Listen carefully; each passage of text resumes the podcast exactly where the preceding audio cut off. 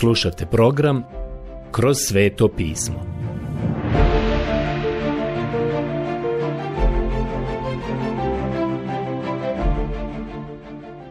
Knjiga Prva Samuelova Odlomak Prva Samuelova od poglavlja 11 do poglavlja 12 Dolazimo do 11. poglavlja prve knjige Samuelove. Prošli put smo imali neke prilično oštre riječi o kralju Šaulu.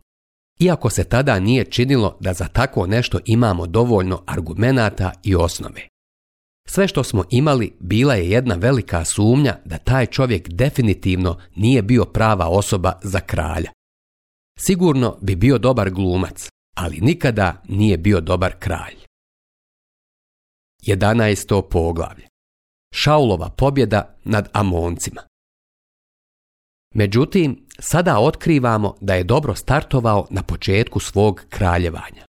Ovdje u 11. poglavlju to možemo vidjeti, ali neću ulaziti u mnogo detalja. Dozvolite mi samo da pročitam jedan ili dva stiha kako bismo osjetili atmosferu ovog odjeljka koji sada imamo ispred sebe. Amonac Nahaš iziđe i opkoli Jabeš u Gileadu. I ljudi iz Jabeša poručiše Nahašu sklopi ugovor s nama pa ćemo ti se podvrći. A Amonac Nahaš odgovori. Sklopit ću s vama ugovor pod uvjetom da vam svakome iskopam desno oko i time učinim sramotu Izraelu. Starješine iz Jabeša mu odvratiše. Daj nam rok od sedam dana kako bismo poslali poslanike u sve krajeve Izraelove. Ako nam nitko ne dođe u pomoć, predat ćemo se tebi. Prva knjiga Samuelova 11 1 do 3. Naravno, ovo je bio jedan veoma grub i ružan zahtjev koji im je bio postavljen i njima je bilo potrebno izbavljenje. I šta će se dogoditi? U četvrtom stihu nam je rečeno sljedeće. Kad poslanici dođoše u Gibeu, gdje je stanovao Šaul, i kazaše narodu kako stvari stoje, započe sam narod glasno plakati. Prva knjiga Samuelova 11.4 Čitamo dalje. Tada dođe duh Boži na Šaula, kada ču tu vijest, i on se vrlo razgnjevi. Uze dva vola, raskomada ih, razasla komade po poslanicima u sve krajeve Izraelove i poruči. Tko ne pođe za Šaulom i Samuelom, ovako će upravo biti s njegovim govedima. Silan strah spopade narod, tako da iziđe kao jedan čovjek. Prva knjiga Samuelova, 11, 6 do 7. Primjećujete li kako se Šaul ovdje poistovjećuje sa Samuelom? Ja ne mislim da je u ovo vrijeme na početku Šaulovog kraljevanja njegovo ime moglo stajati samo. Zbog toga se on poistovjećuje sa Samuelom i kaže narodu da se pridruže njima dvojici. I ljudi dolaze. Dolaze zbog straha, ali mislim da strahuju na dva načina. Ne samo od Šaula, već i od Amonaca, i onoga što bi im oni mogli učiniti. Rečeno nam je sada da je Šaul podijelio narod u tri grupe. To je zapisano u 11. stihu. Sutradan razdijeli Šaul četu u tri bojne skupine. One prodreše u tabor o jutarnjoj straži i tukli su Amonce dok je dan postao vruć. Što preostade, rasprši se tako da ne ostadoše ni dvojica od njih zajedno. Prva knjiga Samuelova 11.11. 11. Oni su stvarno rastjerali Amonce. Nisu ostala čak ni dvojica monaca zajedno. Svaki od njih je bježao sam. Tada reče narod Samuelu. Tko je rekao Šaul neće biti kralj nad nama? Daj nam te ljude da ih pogubimo. Prva knjiga Samuelova 11.12. Dakle, možete vidjeti da je Šaul imao protivljenje od strane nekih, ali Samuel je ignorisao to protivljenje sve dok se nacija nije ujedinila i tako ostala uz Šaula. Šaul se sada obračunava sa opozicijom. Ali Šaul odvrati. Danas se nikoga neće pogubiti, jer danas gospodin dade pobjedu Izraelu. Samuel reče narodu, dođite, pođimo u Gilgal i tamo potvrdimo kraljevstvo. Prva knjiga Samuelova 11, do 14. Dakle, u sljedećem stihu vidimo da je cijeli Izrael prihvatio Šaula kao kralja.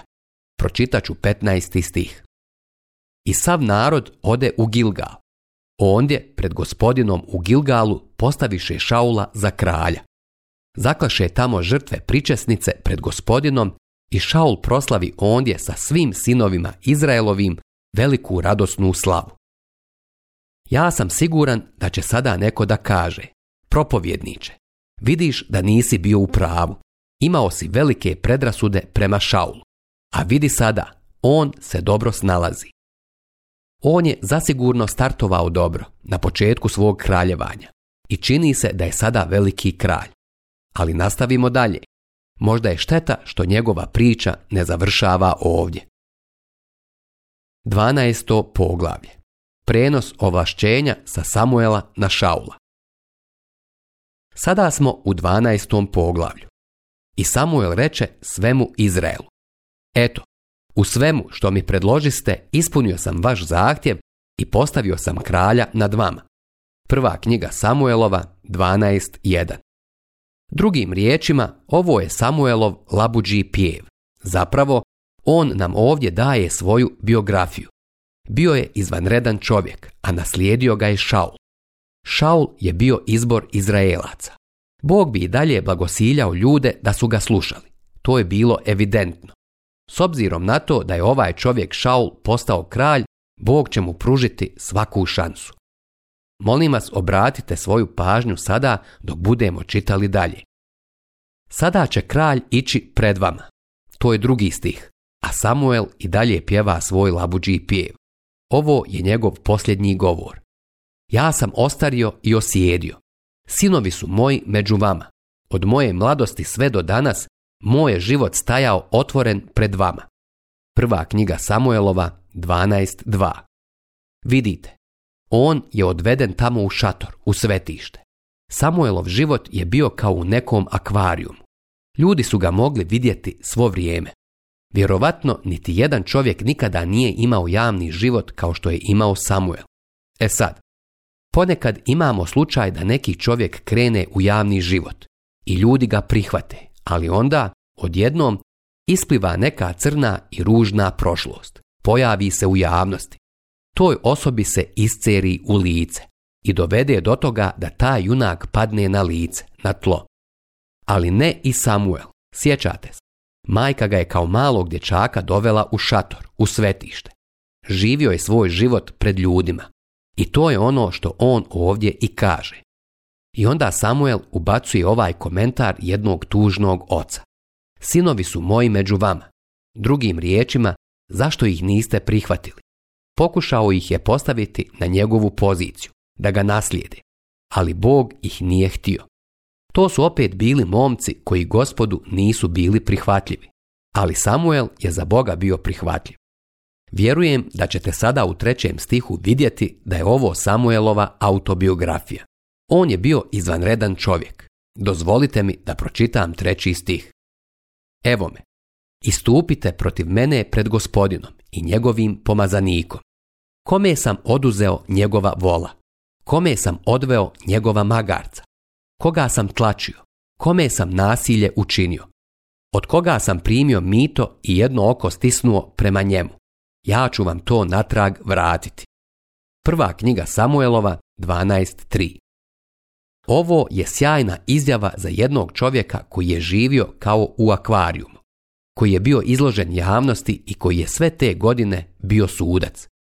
Počeo je kao mladić kada ga je Bog pozvao i kroz sve te duge godine bio je sudac nad tom nacijom. Imao je mnogo prilika na toj poziciji da se obogati, ali se nije obogatio. Ovaj čovjek, Samuel, je jedan od velikih ljudi u riječi Božjoj. A ipak bio je strašno neuspješan kao otac.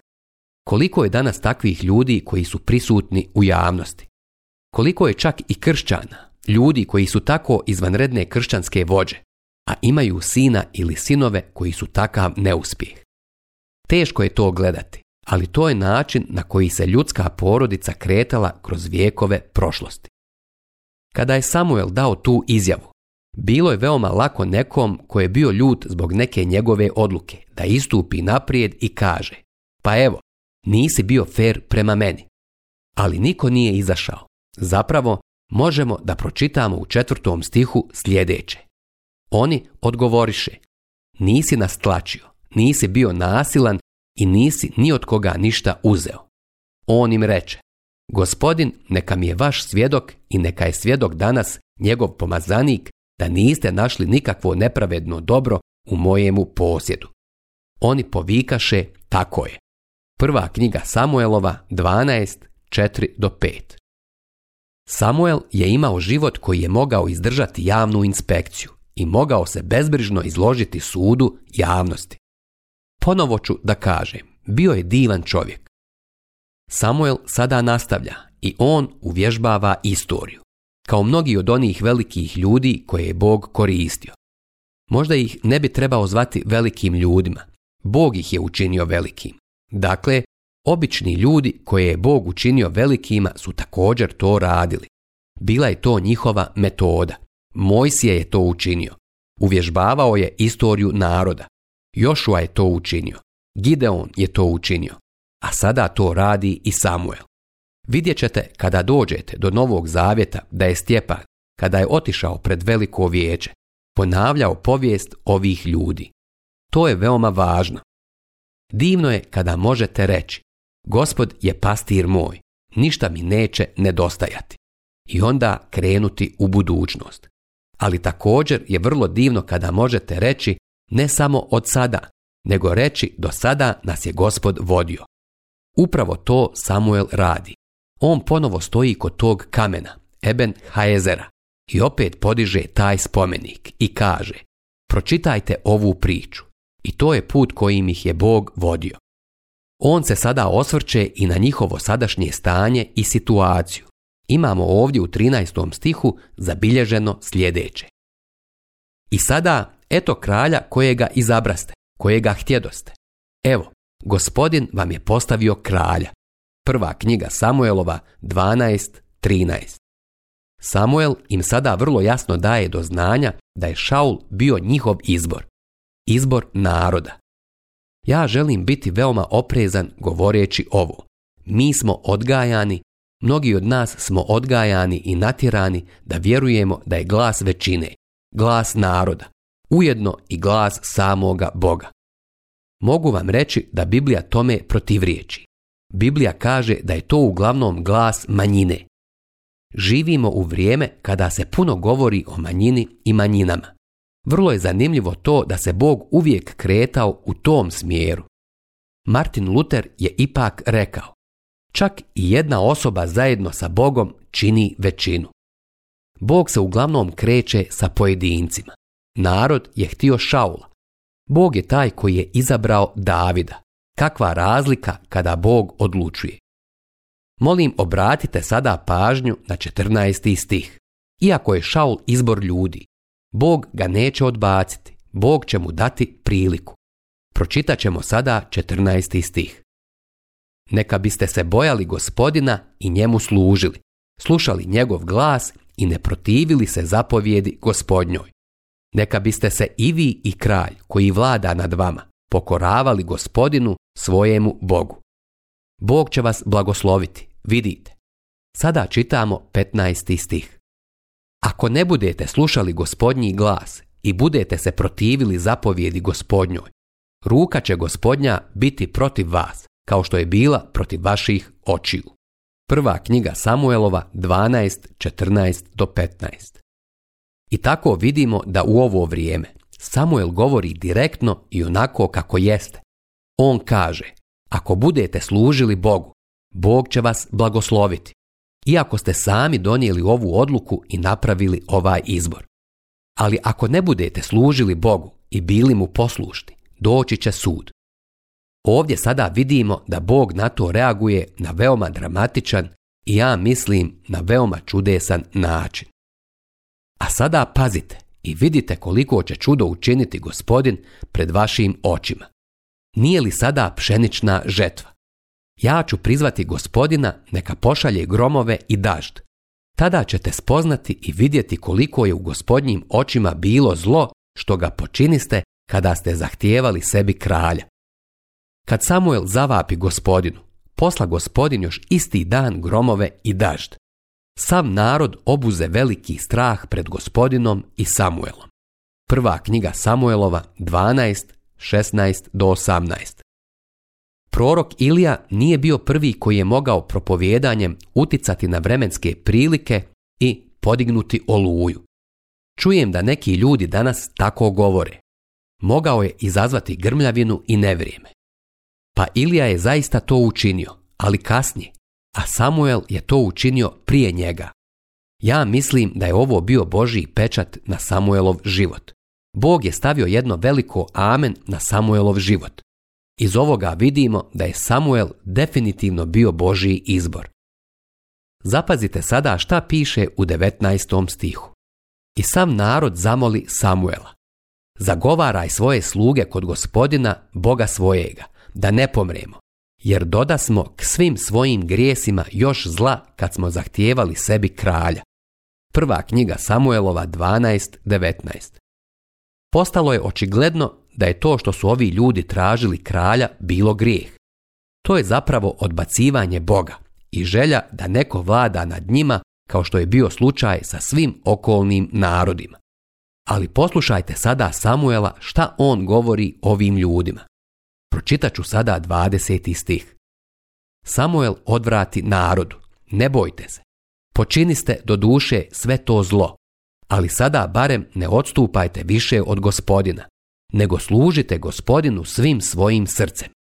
Prva knjiga Samuelova 12.20 Prijatelji, nemojte dopustiti da vam prošli grijesi ili da vam pogreške iz prošlosti pokvare život.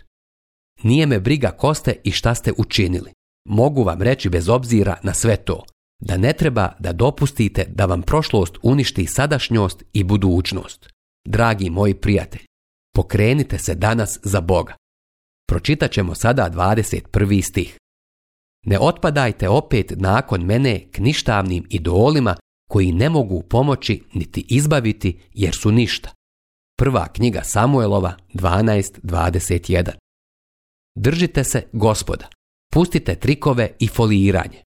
Danas crkva eksperimentiše sa različitim trikovima, sa raznim metodama i čini se da ne shvataju da samo Bog može blagosloviti. Mi se trebamo držati njega, a to znači držati se riječi Božje. Ne mislim da je Božju riječ potrebno braniti. Potrebno ju je objasniti. Danas je treba objavljivati i proklamirati. Mi vjerujemo da je to najvažnije. Danas trebamo istupati i treba nam više uzvičnika negoli upitnika. Sada ćemo nastaviti da se krećemo prema dole. Molim vas obratite pažnju pročitat ćemo 22. stih. To je veličanstven stih. Jer tada neće gospodin odbiti svojega naroda zbog velikoga svojega imena. Jer gospodinu je bila volja da vas učini svojim narodom. Prva knjiga Samuelova 12.22 Da li ste vi uzeli ime gospodnje? Da li je on danas i vaš spasitelj? Odmarate li se u njemu? Mogu vam reći da je on rekao da vas nikada neće napustiti niti ostaviti. Pogledajte poslanicu Hebrejima 13.5. Ponovo vas podsjećam na to i pročitat ću taj stih. Neću te ostaviti, niti ću te napustiti. Kako je on divan. Dakle, pročitali smo šta je Samuel rekao. Jer gospodinu je bila volja da vas učini svojim narodom. Danas kada govorite o tome zašto je Bog izabrao naciju Izrael, ne gledajte u ljude, već gledajte u Boga. Bog kaže, ja sam to učinio. I to je dovoljno. Bog je izabrao i tebe. Možda se neki tvoji prijatelji pitaju zašto, ali Bog je izabrao tebe i to je dovoljno. I Bog je izabrao i mene. Hvala Bogu na tome. Zasigurno me je mogao zaobići, ali prijatelji, radujem se što me nije zaobišao radujem se što me izabrao. Kako je to divno i prekrasno. Predivno je slušati ovog čovjeka Samuela. Nije li danas i vama drago što ste gospodnji prijatelji i što ste na njegovoj strani, što ste mu povjerovali kao spasitelj? I to da je on za vas, a ne protiv vas. On vam želi pomoći, prijatelj. On je silni pomoćnik i on je spasitelj. Spašava nas u potpunosti. Sada ću da krenem dalje. Ovo je tako divno. Sada ću pročitati 23. stih. A daleko neka je od mene da se ogriješim o gospodina prestavši vas zagovarati, nego ću vas upućivati na dobar i pravi put. Prva knjiga Samuelova 12.23 Ja sam u ovoj radijskoj službi otkrio da jako mnogo ljudi ima dar molitve i ja vjerujem da je to dar od Boga Mislim da je to jedan od velikih darova. Zahvaljujem Bogu za grupu ljudi u Južnoj Kaliforniji. Bog im je dao službu, službu molitve. Prijatelji, ja danas uživam u svojoj službi i mislim da je to uveliko zahvaljujući molitvama Božjeg naroda širom ove zemlje. To je prekrasno. Bilo je divno ponovo otići u Chicago, taj veliki grad u koji sam došao kao dječak, stranac, a sada kao starac. Hodao sam u naokolo i jedan čovjek se rukovao sa mnom i rekao mi je Znaš, ja sam se molio za tebe godinama. Dođe mi da zaplačem i dođe mi skoro da kleknem pred njim jer je divno moliti za druge. Tako je Samuel rekao narodu, a daleko neka je od mene da se ogriješim o gospodina. Kako bi se on to ogriješio o gospoda? Pa jednostavno, prestavši vas zagovarati u molitvi. Ovo znači da svako od nas ima molitvenu odgovornost. Osjećam veliku odgovornost da se molim za određenu grupu slugu Božijih u ovoj zemlji. Oni su mi prijatelj, većina od njih, bio sam u njihovim crkvama. Znam ponešto o njihovim problemima. Ja se redovno molim za njih. Pokušavam jednom sedmično uzeti svoj molitveni spisak i onda idem kroz taj spisak i sjetim se ovih ljudi. Oni su predivni Božiji ljudi. Zatim imam odgovornost i prema svojoj porodici. Ako se ja ne budem molio za njih, ko će? Onda imam i odgovornost prema radio službi. Osjećam da bih se trebao moliti i za to I činim to svakog dana. Mogu vam reći da su to prekrasne odgovornosti. Dragi moji prijatelji, i vi imate odgovornost, jer danas nam je potrebna molitva i mi trebamo moliti jedni za druge. Sada imamo jednu grupu koja se redovno okuplja na molitvu. Naše osoblje to radi već duže vrijeme. Mi primamo molitvene zahtjeve koji dolaze i molimo se za ljude. Puno je ljudi koji su u potrebi, a oni nas slušaju. Ako su oni dovoljno ljubazni da nas slušaju i napišu nam lijepa pisma, svakako da se mi trebamo moliti za njih. Ne daj Bože da zgriješimo protiv gospoda tako što ćemo prestati da se molimo za vas usput da kaže, nije li ovo predivan odlomak iz svetog pisma? Samuel sada nastavlja svoj labuđi pjev i on govori sjajne stvari. Pročitat ćemo sada 24. stih. Samo se bojte gospodina i služite mu iskreno svim srcem, jer vidite kakve je velike stvari za vas učinio. Prva knjiga Samuelova 12.24 Dugo nisam bio na futbalskoj utakmici, Posljednji put kada sam bio, sjedio sam pored čovjeka koji je navijao za drugi tim i želim vam reći da je bio otkačen. Prateći utakmicu, on bi povremeno ustao i pomislili biste da ima nekakav napad. Kako se samo ponašao. I dok sam gledao tog tipa koji me je iritirao jer je navijao za suparničku ekipu, ja sam pomislio, volio bih da imam takav entuzijazam za Božje stvari. Prijatelji moji, Danas nam je to potrebno. Služiti Bogu svim svojim srcem. Pročitat ću sada 25. stih. Ako li ipak zlo činite, propašćate i vi i vaš kralj. Prva knjiga Samuelova 12.25. Kakvu samo poruku Samuel daje u ovo vrijeme? Prijatelji, naše vrijeme je isteklo. Do sljedećeg puta, neka vas Bog obilno blagoslovi.